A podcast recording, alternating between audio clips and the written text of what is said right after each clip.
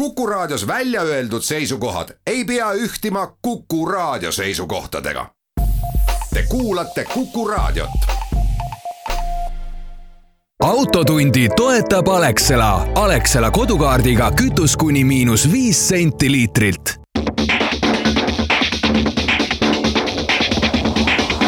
autotund. See on saade sulle, kui sul pole päris ükskõik, millise autoga sa sõidad tere kuulajad, Autotund on jälle eetris. täna on äh, stuudios Martin Mets ja Tarmo Tähepõld on äh, jätkuvalt eemal puhkuselt. aga millest täna räägime? räägime sellest, et äh, soomlased annavad tasuta kütust. siis räägime sellest, et üks Eesti tanklakett, kes lubas meile ka peaaegu tasuta kütust, tõstis hoopis hindu. Tartus on üks huvitav terminal, kus saab oma autot sügavamalt tundma õppida. Volkswagen peab hakkama vist trahvi maksma lõpuks ka eestlastele. maanteeamet on hädas eksamitega, õigemini nende müümisega. ja siis on mitmeid autouudiseid, näiteks Tesla Roadsteri hinnad on lõpuks teada ja saate lõpus räägime hästi põgusalt ka Ameerikas ühest äh, illegaalsest võidusõidust, mis toimub juba seitsmekümne esimesest aastast peale.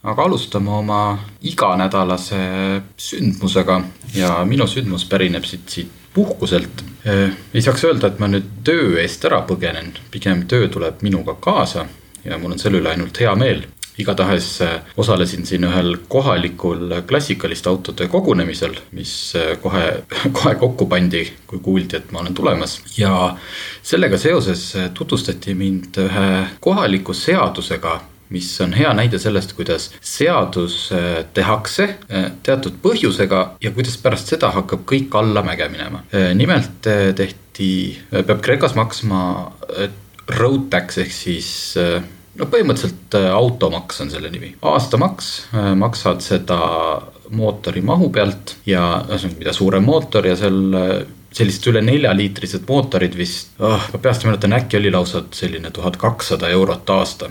aga tehti seadus, et äh, klassikalised autod ehk siis äh, uunikumid ei pea äh, maanteemaksu maksma, sest et äh, nad on nii harva teel ja liiga kallis on see. Ja loomulikult hakkas kreeklane seda kohe ära kasutama ja kõik äh, registreerisid oma vanad rondid, mis ei olnud äh, kindlasti, mis vanuse poolest on klassikalised, aga kindlasti mitte hobiautod registreerisid klassikalisteks sõidukiteks. mille peale riik sai aru, et oi-oi-oi, see on nüüd küll vale ja muutis seaduse ümber aga siis läks see kõik hoopis teistpidi halvasti, sellepärast et äh, nad keerasid selle nii kinni, et äh, enam ei võinud, põhimõtteliselt sa võisid oma klassikalist autot, Unicumi vedada ainult treileril, vedada üritustele, vedada ringrajale või kuhu iganes sa tahtsid seda näitusele viia, ainult treileril kujutage ette, kui kallis ja mõttetu see on. siis saadi aru, et äh, see seadus ei ole ka okei okay,, sest et juhid sõitsid äh, oma autodega loomulikult ikkagi ja ilma treilerita ja hästi palju kogunes trahve ja neid hakati vaidlustama ja siis otsustati seadust muuta. ja siis võttis selle asja enda hallata selline organisatsioon nagu Filpa ehk siis kohalik äh, Kreeka vanaautode organisatsioon, aga nüüd on see asi jälle ikkagi teistpidi tobe, see tähendab seda, et oma klassikalise autoga võid sa sõita ainult äh, Filpa korraldatud üritusele. Äh, kaks päeva enne üritust ja üks pärast seda sa pead olema registreeritud, sa pead olema kirjas kuskil süsteemis, et sa oled hetkel teel sinna Filpa kokkusaamisele ja ainult siis võid sa sellega sõita. kõlab nagu väga Just mõistlik selline halduskoormus äh, ja, nii inimestele ja kui, hakkasin... kui ka seal organisatsioonidele. kui ma hakkasin seda guugeldama, siis ma leidsin, et seal on tegelikult on ka võimalik veel vist kaks korda kuus on tohid sõita ka remonditöökotta, see oli umbes igal teisel kolmapäeval ja igal teisel pühapäeval või midagi sellist. ja nüüd ongi niimoodi, et ma saan, ma saan sellest, okei okay,, seal põhimõtteliselt aru, aga totakas on see, et see Filpa ei osa, ei ole nagu osanud seda selles mõttes rahaks pöörata või mina, kui ma oleks see Filpa, siis ma teeks kohe niimoodi, et, et ma hakkaks müüma neid ürituse litsentse. et nüüd, kui meil siin see kokkusaamine oli, umbes mingi kaheksa kuni kümme autot tuli siin, et ma helistan Filbasse või kirjutan, ütlen, et mul on üks kokkusaamine, ma ei tea, esitage mulle arve viiskümmend euri ja noh, ongi kõik ja ongi litsents olemas, aga nad ei tee seda. sisuliselt peab olema kohal Filpa esindaja, keda on Kreekas väga vähe enamjaolt on nad kõik kogunenud Ateena ümbrusesse. nii et sisuliselt, kui sa tahad siin ähm, Kreeka saarel teha klassikalist autode kokkusaamist ametlikku, niimoodi, et sa ei pea politsei tähelepanu kartma, siis sa pead äh, kutsuma Ateenast kohale FILPA esindaja. aga las ma ja pakun tegelikult ei..., ma pakun, pakun, et tegelikult äh, politsei väga ei pööra sellele tähelepanu. tead, siin äh, kohalikul saarel tõepoolest ei ole veel pööranud, sest noh, nagu ikka tõenäoliselt on ta su ema, venna, poeg ja noh, kõik, kõik sellised asjad aga üks osaleja näiteks oli britt, kes siin elab juba viisteist aastat ja ikkagi natukene, vaata, meie suhtumised on erinevad võib-olla lõunamaa inimestest. tal võid sa ikka natuke värelema, et see ja temal ikka, tema ikka põeb seda ja tema mulle kogu selle loo ära rääkis ja et ta on saatnud sinna kirju, et noh, leidnud, kui, kui totakas see kõik on. aga ühesõnaga nii on, et äh, pidasime illegaalset kokkusaamist siin äh, klassikaliste autodega, mis oli väga kihvt ja kõik oli tore ja, aga lihtsalt äh, lihtsalt näha, kuidas tehti seadus, siis keerati see tagurpidi ja siis keerati see veel kolmandat korda tagurpidi ja, ja ei võida sellest hetkel mitte keegi. ma ei tea, kus, kuhu see läheb ja väidetavalt on trahv tuhat viissada eurot, kui sa sõidad oma klassikuga, ilma et sa sõidaksid ametlikule kokkusaamisele.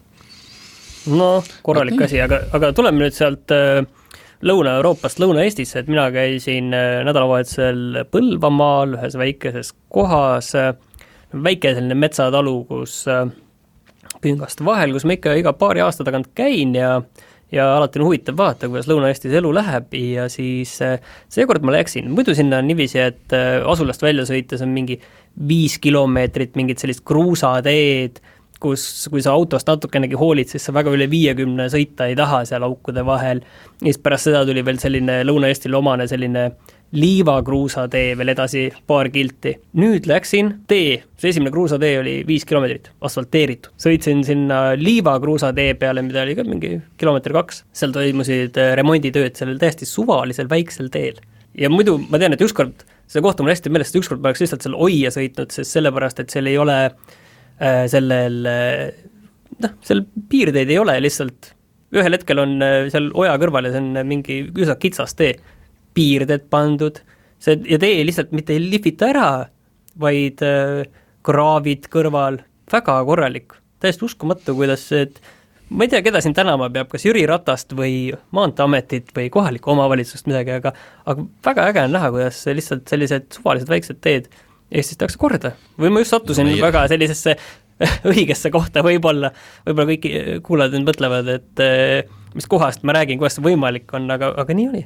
ei, aga seda ju räägitigi siin äh, kevade alguses, et äh, väga suur tähelepanu pöörata, pööratakse nende katteta teede katmisele mitte mm, -hmm, mitte päris asfalteerimisele, aga selle kõva, kõva katte panemisele. jaa, me just jah, rääkisime sellest siin mõned kuud tagasi ja on tore näha, et see on täiesti reaalsuses. Just, ja siis võiks ju siin noh viriseda, aga et kaob ära kõik see selline väike maateede romantika ja kuidas sa seal jalutad. no küll need teed jäävad ka ja... ikka, küll need jäävad alles seal ka need, kus seda rallit sõita, küll need teed jäävad kõik alles. varsti hakkame kaardistama teid, kus saab äh, tolmu sees sõita. ja, aga teeme siia pausi Nii. ja tuleme kohe uudistega tagasi. olgu.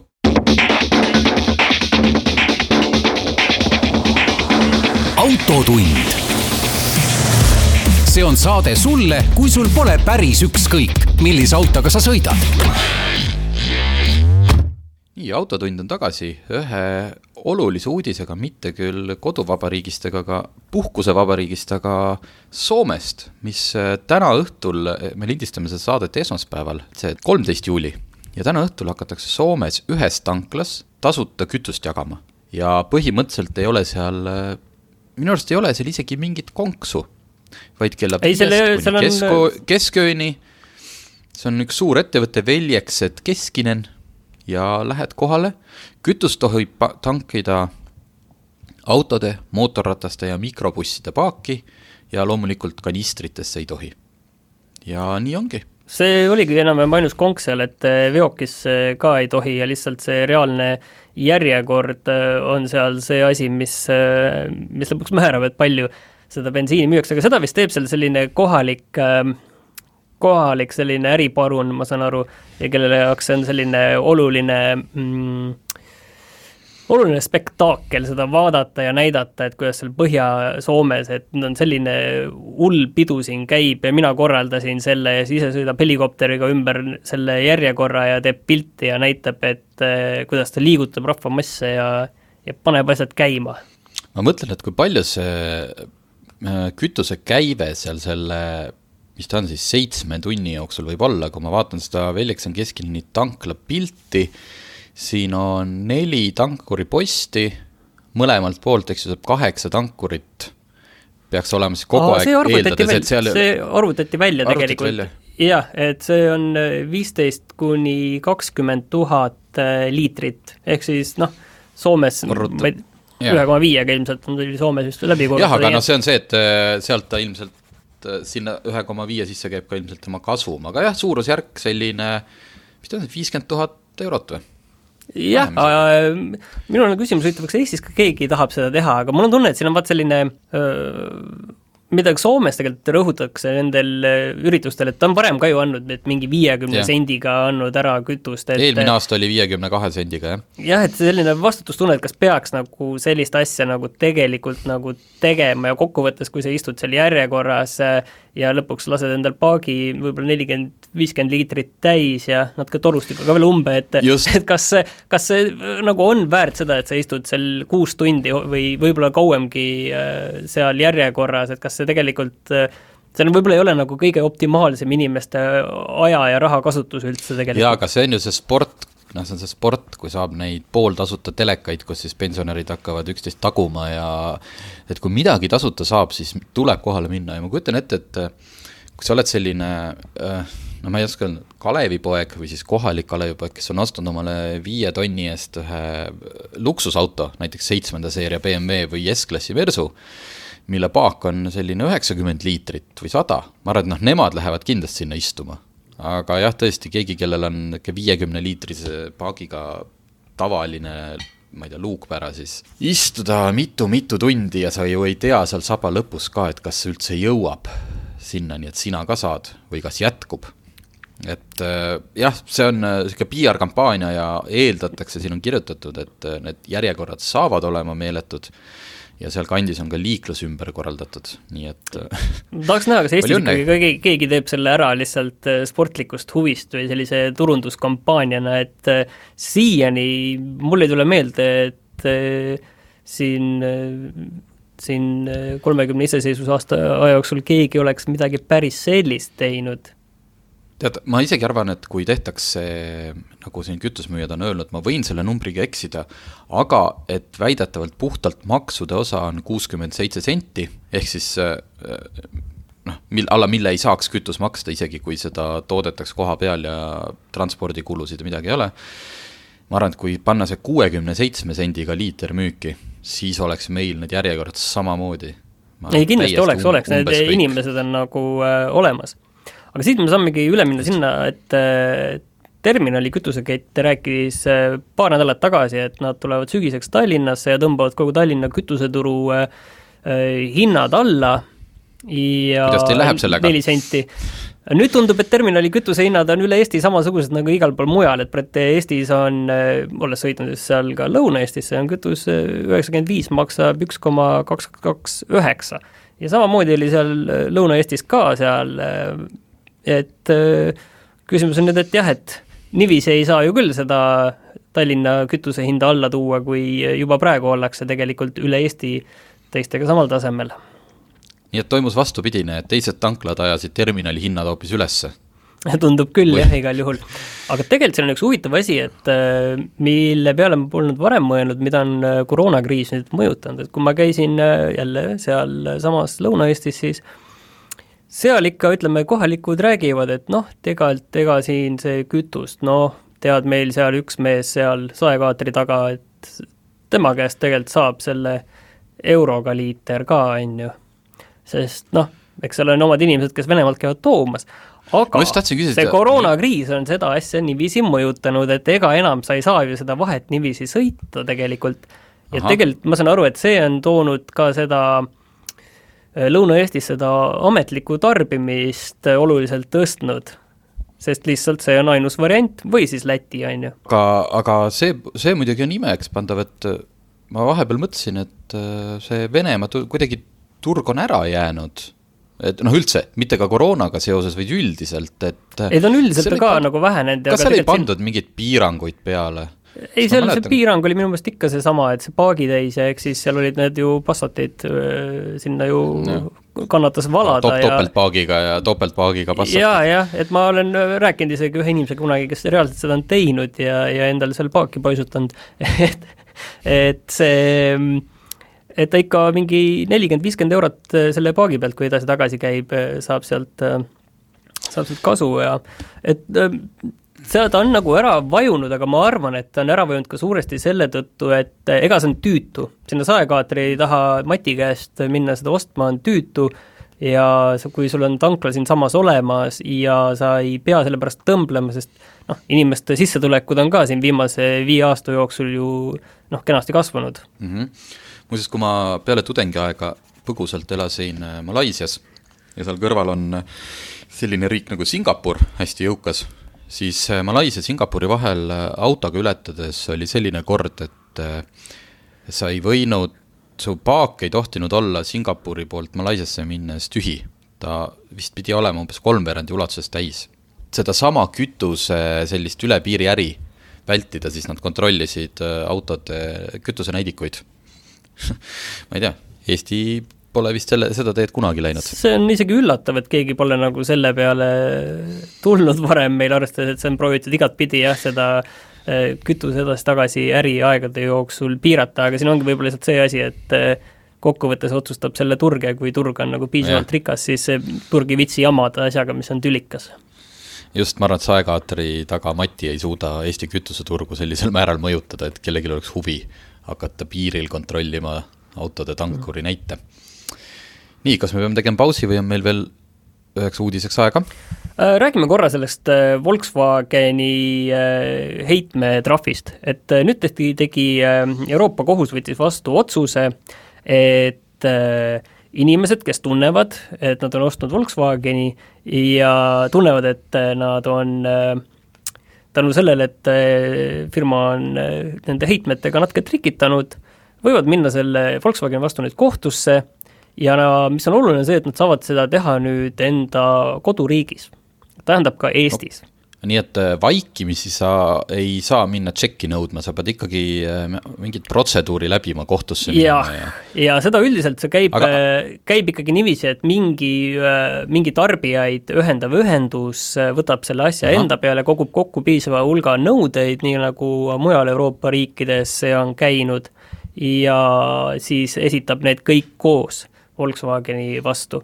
et Eestis jah, ma ei tea, kas keegi, keegi ei taha nagu seda teemat enda peale vist võtta, et äh, proovida, et mis saab. aga kui palju sealt oleks võimalik siis saada seda kahjutasu? ma ei tea, eks see oleneb nagu ma, ma olen, ma olen jätkuvalt ar-, jah, jätkuvalt arvamusel, et, et tarbija on... sealt kahju ei saanud noh, ma ei tea, ikka, mina olen, arvan, et ikka on saanud, et see ei ole jah, selline nii käegakatsutav aga teeme siia pausi ja siis tagasi räägime hoopis teistel asjadel.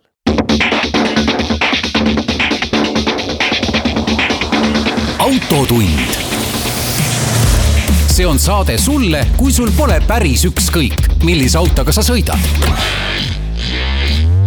nii, Autotund tagasi, äh, rääkisime ennem terminali tanklast, aga nüüd äh, võiks rääkida ühest teisest terminalist, mis samuti Lõuna-Eestis äh, pandi püsti see on üks äh, selline masin, seadeldis, ta on Tartus äh, Sepa tänaval, äh, kus sa saad minna ja oma autode veakoode lugeda. ehk siis, kes ei tea, siis alates üheksakümne kuuendast aastast peab olema kõikidel autodel selline pistik, mille saab ühendada arvuti külge. Ja siis sealt erinevaid veakoode, sa saad seal tänapäevastematel autodel saad isegi erinevaid asju sisse-välja lülitada, kui sul on vastav tarkvara ja oskus oma mobiiltelefoni kaudu näiteks, Bluetooth ja kõik, kõik, mis seal peab olema ühendatud. aga nüüd, et, et iga inimene ei peaks omale sellist seadeldist ostma, aga kui tal on vaja näiteks teha autole ostueelset ülevaatust või ta tahab lihtsalt enne tehnoülevaatust minna vaadata, et kas seal nii-öelda aju tasandil on mingeid probleeme, kas heitgaasid on korras, siis ta saab minna ja selle omal külge ühendada, raha eest muidugi. Äh, kuidas tundub, kas see on vajalik teenus?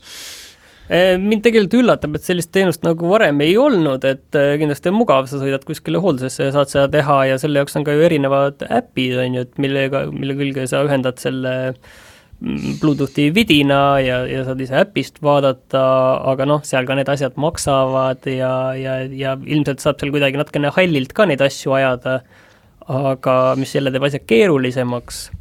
Aga see on selles mõttes jah huvitav asi, et, et ma ei ole nagu kindel, kuidas nüüd tavaline inimene, kes läheb sinna kohale, ühendab äh, selle endal äh, ära ja saab teada, et autol on mingi noh, selline krüptiline või üldine veakood ja siis oskab sellega tegelikult midagi mõistlikku peale hakata. sest ma tean ise näiteks, võtad kas või Windows viskab sulle ette teinekord mingi, jookseb kokku, viskab mingi veakoodi ette, sa vaatad, ahah, see veakood, väga tore.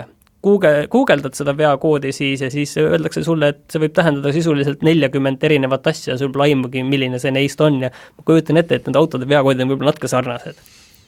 Tead, ma arvan ise ka, et see ei ole kindlasti päris igale ühele, ma näeksin ennast äh, küll kasvõi huvi pärast selle kasutajana, et noh, ma olen nagu, et ma ei ole väga selline ise kapoti all käija ja ma ei ole ka veel leidnud põhjust, et omale tellida enda autole seda ütleme, lugejat ja, ja siis käia seal süsteemides äkkimas. huvi pärast tahaks minna vaatama küll ja ilmselt ma olen nõus minema ka noh, sammu kaugemale, et siis äh, natukene seal Google'is äh, otsida. aga pigem, mis seal noh, natukene nagu ohukoht on, mitte et seda muidu ei saaks teha, aga nüüd on see tehtud lihtsalt palju lihtsamaks, on, et äh, seal saab ka veakoode kustutada. mis tähendab seda, et mina saan sellest aru näiteks, et kui sul mõni märgutuli põleb, siis on võimalik, lähed, astud sealt läbi, kustutad selle ära ja siis näiteks lähed oma autot müüma. Muidugi nende see on selle öeldud... sepaturu lähedal, mis on ilmselt yeah. Tartus üsna tuntud äh, automüügipiirkond. Et äh, seal on muidugi nende enda lehel, see ScanHubi terminali lehel on öeldud, et äh, kui on mingi tõsine veateade, et ütleme, sa kustutad ära, siis teeb see süsteem, teeb kohe nagu uue kontrolli ja kui seal ikkagi see on tõsine viga eksisteerib, siis ta paneb selle uuesti kirja. jaa, aga see ei pruugi nagu tegelikult et see, vaata, see ei ole, pruugi nagu tegelikult see veakood võib see, et see auto seisab paigal ja paned korra mootori käima uuesti ja ta neid teeb selle uuesti üle ja ja veakoodi ei tule, aga kui sa oled kümme meetrit edasi sõitnud, siis ta lööb selle veakoodi uuesti sisse, vea on ju uuesti sisse, et et see on nagu jah, natukene niisugune veider, millest ma ei saanud veel aru, et muidu ma saan aru, et selle kasutamine hakkab sealt kaheksast eurost, aga et ma, tekkis huvitav, et huvitav, palju selle veakoodi kustutamine maksab, et ma ei saanudki sellest aru et kas selle eest küsitakse nagu eraldi? ei ole selgitatud mm. -hmm. Siis, kui sa oled see diagnostika ära teinud, siis ta annab sulle raporti, kas siis prindib seal kohapeal või saadab e-kirja teel, kui sa ei taha paberit kulutada. et noh, eks me, eks me püüame leida siin erinevaid nurki, et ideaalis on see muidugi hea, hea asi, inimene, kes tahab oma autost natuke rohkem teada, sest ma mäletan, et meil ju meil Ronald Liive katsetas isegi oma autoga, milleks oli uus Škoda Karoq ta tellis omale need seadmed ja siis vaatas, et mida ja kui palju saab ise seal eh, tagatoas sisse-välja lülitada. Seal oli paar asja, et ilmselt oleks saanud veel rohkem süvitsi minna, aga siis hakkab see asi mingi hetk võib garantiiga vastuollu minna, kui sa seal väga sügaval seal tegelikult vist sai käid. päris palju teha ja üllatav oli vist see asi, et sealt sai vist midagi sisse lülitada, mingeid asju, mis eh, muidu nagu tal selles varustuses ei olnudki. või no vot, ma ei hakka nüüd üles otsima, või oli meil see meie loo hüpotees oli selles, et äkki saab, et sul mingeid no seal üht-teist ikka sai, sest seal tegelikult päris jah. palju oli võimalik nagu äh, nagu teha. aga tagasi selle terminali juurde, et iseenesest on nagu huvitav, aga mul on, mul on tunne, see lihtsalt, et äh, inimesed tegelikult ei ole nii pädevad seda kasutama, sellepärast et seal võib küll tohutult neid autoteste ja asju sees olla, aga ma arvan, et viis tuhat, viis tuhat automudelit ja viiskümmend tuhat süsteemi testi jah, et kas, kas lihtsalt ütleme, et kui mina konkreetselt näiteks sinnagi sõidaks ja vaataks, siis kas tegelikult ma lõpptulemusena jään ikkagi sama nõutuks ja saan teada, et midagi kuskil on, võib-olla, võib-olla see kustus, kustutasin ära, võib-olla nüüd enam pole ja, ja tegelikult ma ignoreerin mingit probleemi sellega või arvan, et mõni mhm. probleem on lihtsam, kui ta tegelikult on aga ma arvan, et kui see, kui mina nüüd tagasi kunagi tulen, siis ma ja Tartu satun, siis ma kindlasti käin oma autoga sealt läbi ja kui mul tekib rohkelt äh, küsimusi, siis äh, ma usun, et me kutsume selle teenusepakkujad omal ka saatesse võib-olla rääkima, et äh, miks ja kuidas. Aga kes, kes juba on käinud või kes oskab kogemusi jagada, siis võite meile kirjutada, nii. aga räägime nüüd nendest eksamiaegadest just, et vana hea Facebookis ma sain aru, Maanteeamet ja autoeksamid. jaa, et Facebookis on nüüd äh, tehtud grupp lausa nende jaoks, et muidu oli see tavaliselt nendes äh, äh, märgatud äh, Tallinn või Pärnu või mis need grupid on, et äh, seal käis äh, eksamiaegade ostmine ja müümine ning äh, kui me kunagi uurisime selle kohta, et kas üldse on võimalik eksamiaega vahetada niiviisi, siis, siis ütles Maanteeamet, et ei, et ei saa, kaks inimest ei saa omavahel vahetada äh, Just. eksamiaega ja tegelikult see ka kehtib. see, et äh, kui minul on eksamiaeg ja sina, Tarmo, tahad mult seda eksamiaega ära osta, siis sa tegelikult ei saa seda niiviisi teha, seda saab teha ainult niiviisi, et äh, mina ütlen sulle, et tead, täna kell äh, kaksteist null null ma tühistan oma eksamiaja ära, ole siis see ja see päev, ole nüüd sina valmis seda eksamiaega endale broneerima täpselt sel hetkel, et ainult nii see käib. Okei okay., aga miks äh, siin on ka öeldud, et siis, et Maanteeamet sõdib sellega, et mis on Maanteeameti argument, et noh, ma saan aru, et see ei ole noh, ilus ja võib-olla tekitab segadust ja kõik, aga kas neil on ka konkreetne nagu põhjus, miks see neile ei meeldi? Ehm, ega minu meelest nagu tegelikult ei ole, et siin tegelikult on, mis on nagu probleem, on selles, et et selle, selles asjas ei ole ju mingit kindlust. Et kui äh, mina ütlen sulle, et ma loobun oma eksami ajast ja, ja müün sulle, siis tegelikult äh, võib hoopis keegi teine jõuda ette sellel ajal ja tegelikult mm -hmm. see on kogu selline süsteem, mida ju Maanteeamet ise ei kontrolli ja, ja ega nad ei peagi tegelikult ju. ja lihtsalt siin tekib see, see mure, et äh, et kui kuskil käib selline hangeldamine järjekorraga, järje, kogu selle süsteemi väliselt, siis äh, siis noh, keegi võib äh, jääda asjast ilma ja ta ei saa nagu midagi selle eest vastu ja kokkuvõttes see ei ole ju selline asi, millega noh, iseenesest peaks nagu äri tegema, sellepärast et kui, miks ma üldse siis panen ennast kirja sinna, kui ma ei taha seda eksamit tegelikult teha.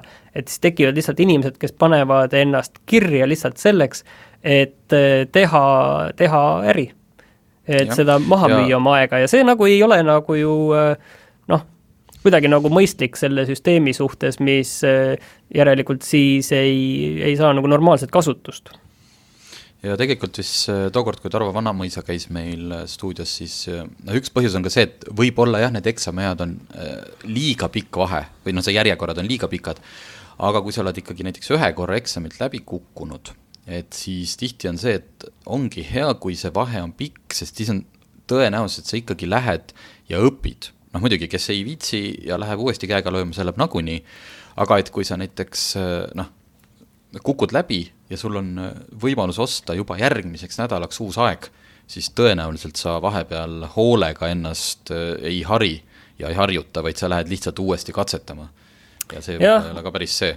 aga siin nagu noh, selles mõttes probleem on nagu äh,, nagu olemas, on ju, et see koroonakriis lõi need äh, hästi palju eksameid jäi ära, nüüd on veel rohkem inimesi, kes tahavad eksameid teha ja, ja Postimehe äh, artiklist ma lugesin välja, et äh, loe, et küsitakse ikka kakssada, kolmsada eurot selle eksami aja eest, nii et noh, kakssada, kolmsada, sest mina lugesin sealt kuskilt, et keegi pakub kaheksakümnega ja, ja juba seda jaa, siis selgus, et see kaheksa, jah, aga see kaheksakümmend samal on, selguski, et see on alles veel selline üsna tavaline ja lihtne hind, mis selle Aa, eest okei. küsitakse. No selge, ei noh, arusaadav, sa oled, eks ju, suve alguses lootsid, et saad load kätte, saad terve suve nautida, siis äh, kukkusid esimest korda eksamil läbi ja siis vaatad, et näiteks järgmine aeg on, ma ei tea, pakun huupi septembris äh, ongi suvi luhtas, et äkki ikkagi kahe-kolme soti eest lähed proovid uuesti. võib ju seda loogikat nii võtta küll.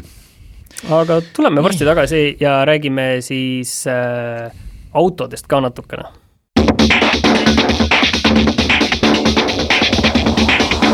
autotund. see on saade sulle, kui sul pole päris ükskõik, millise autoga sa sõidad autotund tagasi, pidime rääkima paar kiiret autouudist, kõige suurem äh, ja kuidagi, kas ta on minu radari alt läbi läinud või et ilmus välja Tesla Roadsteri hinnakiri, mis tähendab seda, et äh, see on juba sellisel maal, et sa hakkad, saad hakata juba selle eest maksma. Toome kiirelt ära Tesla Roadsteri uskumatud äh, andmed, ehk siis null kuni kuuskümmend miili tunnis, see on siis null kuni üheksakümmend kuus, on üks koma üheksa sekundit.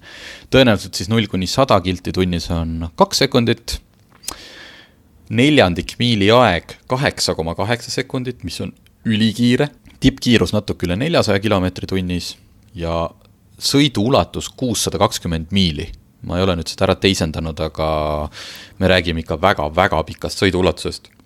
nii, aga paneme selle asja nüüd ühel, ühelgi nagu... jaa, räägime no, hinnast. jaa, ei, ma tahtsin, et paneme enne Aha. hinda, et paneme selle asja natuke perspektiivi, et äh, Roadster oli, on ju Tesla esimene auto, mida nad hakkasid ja. tegema nüüd vist kaksteist aastat tagasi ja seda praegu on ju nüüd tükk aega vist ei ole tehtud, on ju ei ole, ei ole, ei ole, see oli jah. ja siis nad äh, kaks tuhat seitseteist või millalgi tükk aega tagasi nad äh, näitasid selle uut versiooni, ehk see on see nüüd yeah. see, see, millest me nüüd praegu ka räägime. ja mm -hmm. nüüd paistab, et see asi hakkab jõudma kuskile, kuskile faasi, et kus seda saab äh, lähiajal ka osta. just, see on äh, muuseas neljakohaline, mitte kahe, nagu võiks võib-olla kuju järgi arvata, ja selle baashind on kakssada tuhat dollarit, ehk siis natuke on alla kahesaja tuhande euro aga äh, kui eelnevalt näiteks Model kolme ja neid sai reserveerida omale sellise vist äkki lausa saja kuni tuhande dollari, et noh, teed ettemaksu ja siis reserveeritakse sulle see slot, siis nüüd äh, Rodsteriga päris nii lihtsalt ei saa äh,. Reserva-, reserveerida saab viiekümne tuhande eest. ja kui sa tahad esimesest tuhandest autost koosnevat Founders Series, ehk siis ma ei tea, no ütleme, first edition tavaliselt, siis sa pead ära maksma variant asutajate jah, asutav kogu. Eh, siis sa pead maksma kohe ära kogu hinna, mis on kakssada viiskümmend tuhat dollarit. nii et eh, tundub, et sellest asjast saab vist isegi asja. jumal no, teab, seda ei ole öeldud, millal neid kätte hakatakse andma eks see on selline Teslal ilmselt selline natukene kõrgema marginaaliga projekt nüüd, kui võib-olla see Tesla, need kolmed on saadud nagu normaalselt tootmisesse ja ja saab nokitseda selliste teiste asjade kallal, aga samas kallite ja, ja ka kasumlike asjade kallal. nii, kas äh, veel autouudiseid? Škoda Octavia, maailma kõige mõistlikum auto, tuleb nüüd ka maailma kõige mõistlikuma sportautona, ehk siis äh, avalikustati uus Škoda, Octavia RS see autosõpradel tegelikult noh, oma andmete poolest ei ole selles mõttes uudis, et see on ju teada, mis mootor sinna seekord läheb, kaheliitrine turboga, kusjuures saadaval on nii bensiini kui diiselmootoriga Škoda RS, nagu alati, bensiinikal on kakssada nelikümmend viis hobujõudu ja diiselmootoril sada kaheksakümmend. ja sinul tekkis ennem saate alguses, rääkisime, et küsimus, et miks sellist autot või kellele jaa, et ma saan väga hästi aru, et äh, kellele on mõeldud äh, Škoda Octavia, nagu sa just ütlesid, et äh, maailma kõige mõistlikum auto, aga mul on ju tunne, et sellised inimesed, kes tahavad just neid RS ja kõiki neid teiste tähelühenditega variante, et miks nemad peaksid võtma siis Octavia, sest need, kes tahavad RS-i, nad ei taha ju kõige mõistlikumat asja. jaa, aga kui... nad ongi väga, ei, see ongi see vahepealne, et see selliste sportlikute autode võimsus, ralli on läinud ju päris noh, ütleme, ületanud igasugused piirid, et seal Mercedese luukpärasid saad juba seal neljasaja kahekümne hobujõuga. aga, aga sa, sa oled nagu mõistlik inimene, näiteks oled ettevõttes päris edukas müügiesindaja või oled lihtsalt väga edukas pereinimene ja sa tahad natukene, sest need RS-id näevad sportlikumad välja, nad näevad ägedamad välja ja noh, et sa oledki see, et sulle meeldib kiire ja võimas auto, aga mitte nagu ülemäära, et sa ei taha maksta liiga palju kindlustust, sa ei taha selle auto eest ülemäära palju maksta. ta on nagu Golf GTI, aga, aga lihtsalt suur. Äh, tegelikult ta näeb päris hea välja. Golf GTI ja näebki. eriti see, see, see, mitte see päris sedaanina, vaid sellise ja, ja ma arvan, et seal on natuke seda ka, mis võib-olla Eestis ei ole nii palju, millest ma olen kirjutanud, mujal välismaal on see äh, Äh, sellistes suurfirmades toiduahel, ehk siis, et teatud taseme töötajad äh, näiteks võivad sõita Audiga, aga kui sa oled sealt allpool, siis sa võid osta Volkswagenit, noh, see on firmati hästi erinev, aga on paika pandud selline hierarhia. ja siis Octavia RS võimaldab äh, ka seal natuke madalamal oleval inimesel öelda sellele, kes iganes finantsjuht või ostujuht, et jaa, jaa, ma võtan Škoda Octavia, väga hästi sobib, mulle sobib. Ja siis võtad selle RS-i et aga täpselt samamoodi, ta ongi mõistlik. mis see hinnavahe on tavalise Octaviaga, tavalise Octavia hinnad hakkasid seal mis me just rääkisime, kakskümmend kaks plussist kuskilt. ja isegi seitseteist tuhat vist on see hinnakirja esimene hind.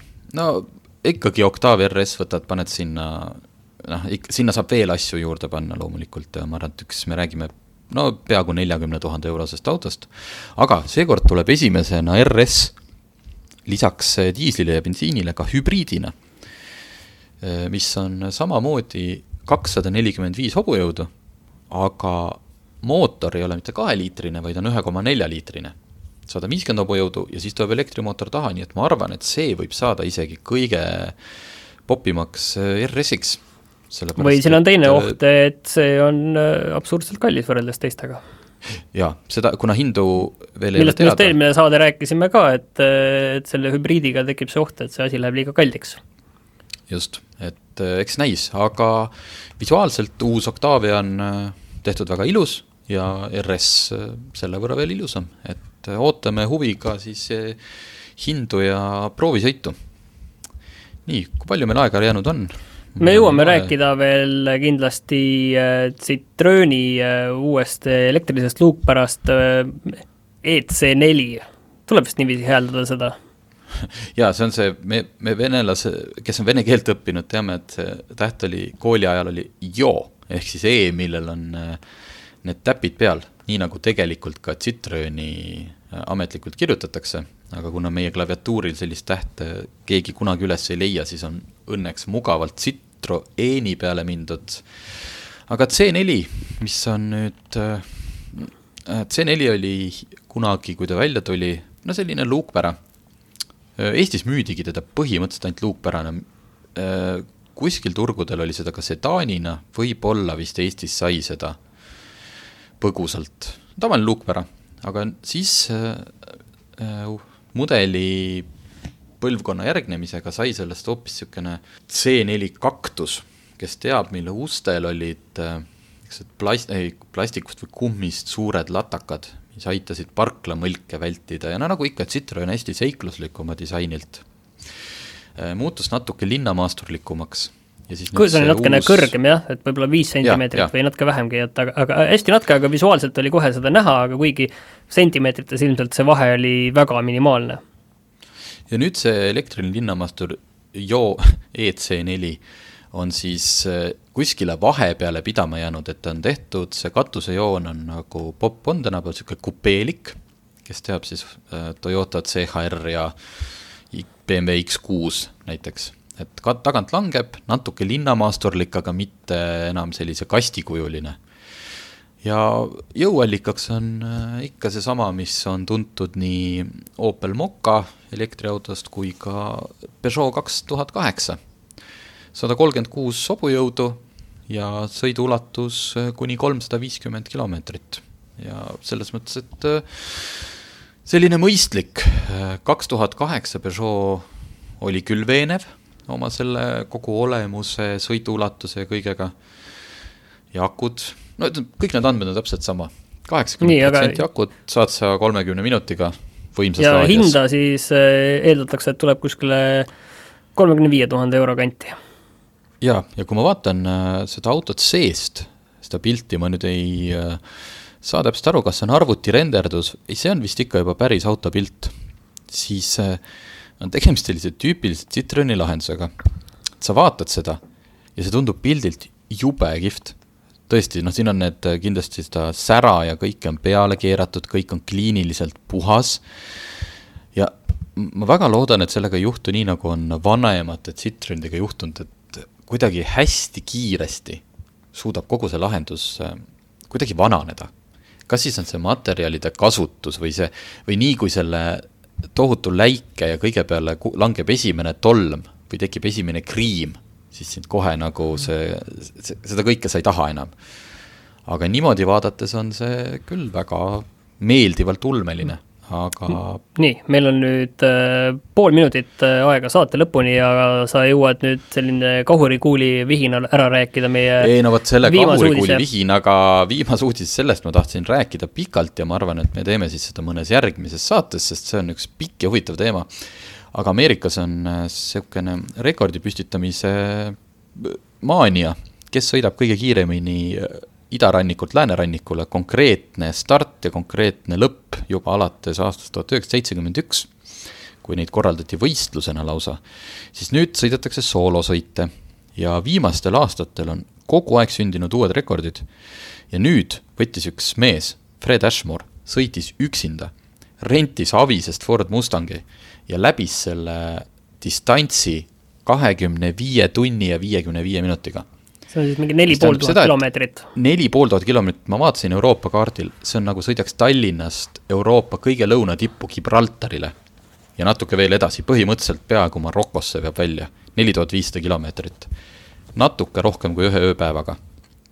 aga ta tegi seda niimoodi, et ta pani autosse, tõstis kõik istmed välja, rendiautost kusjuures mm., ja pani sinna neid lisa lisapaake või nagu kütus, seda on mm. varemgi kasutatud.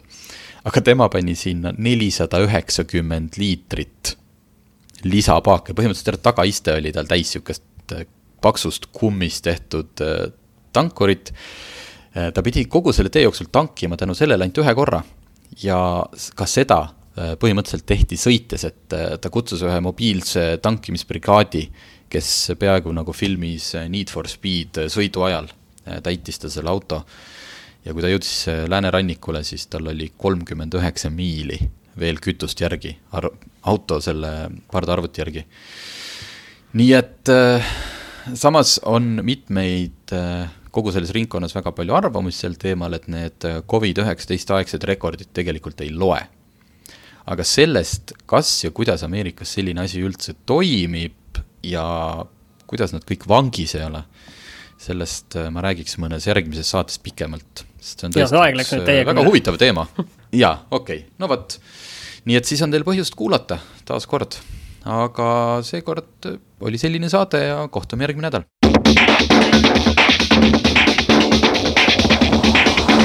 autotund.